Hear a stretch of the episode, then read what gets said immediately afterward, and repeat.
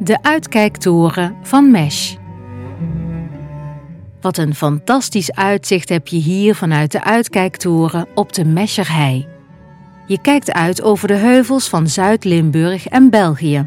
Een landschap dat al duizenden jaren lang aantrekkingskracht uitoefent op de mens.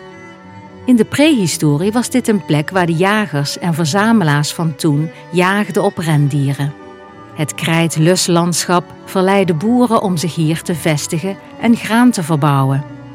Ook nu wordt er dankbaar gebruik gemaakt van de vruchtbare bodem door de aanplant van een belevingsboomgaard vol fruitbomen van vergeten rassen. Een stukje verderop ligt het Mescher Plukbos, een aangeplant bos waar je in het herfstseizoen verse walnoten, tamme kastanjes en hazelnoten plukt. Ook zijn er veel bomen en struiken geplant die zachte vruchten en bessen dragen, zoals de lijsterbes, sleedoornbes, meidoornbes en rozenbottels. Sommige vruchten zijn giftig voor de mens, maar het zijn lekkernijen voor allerlei vogelsoorten.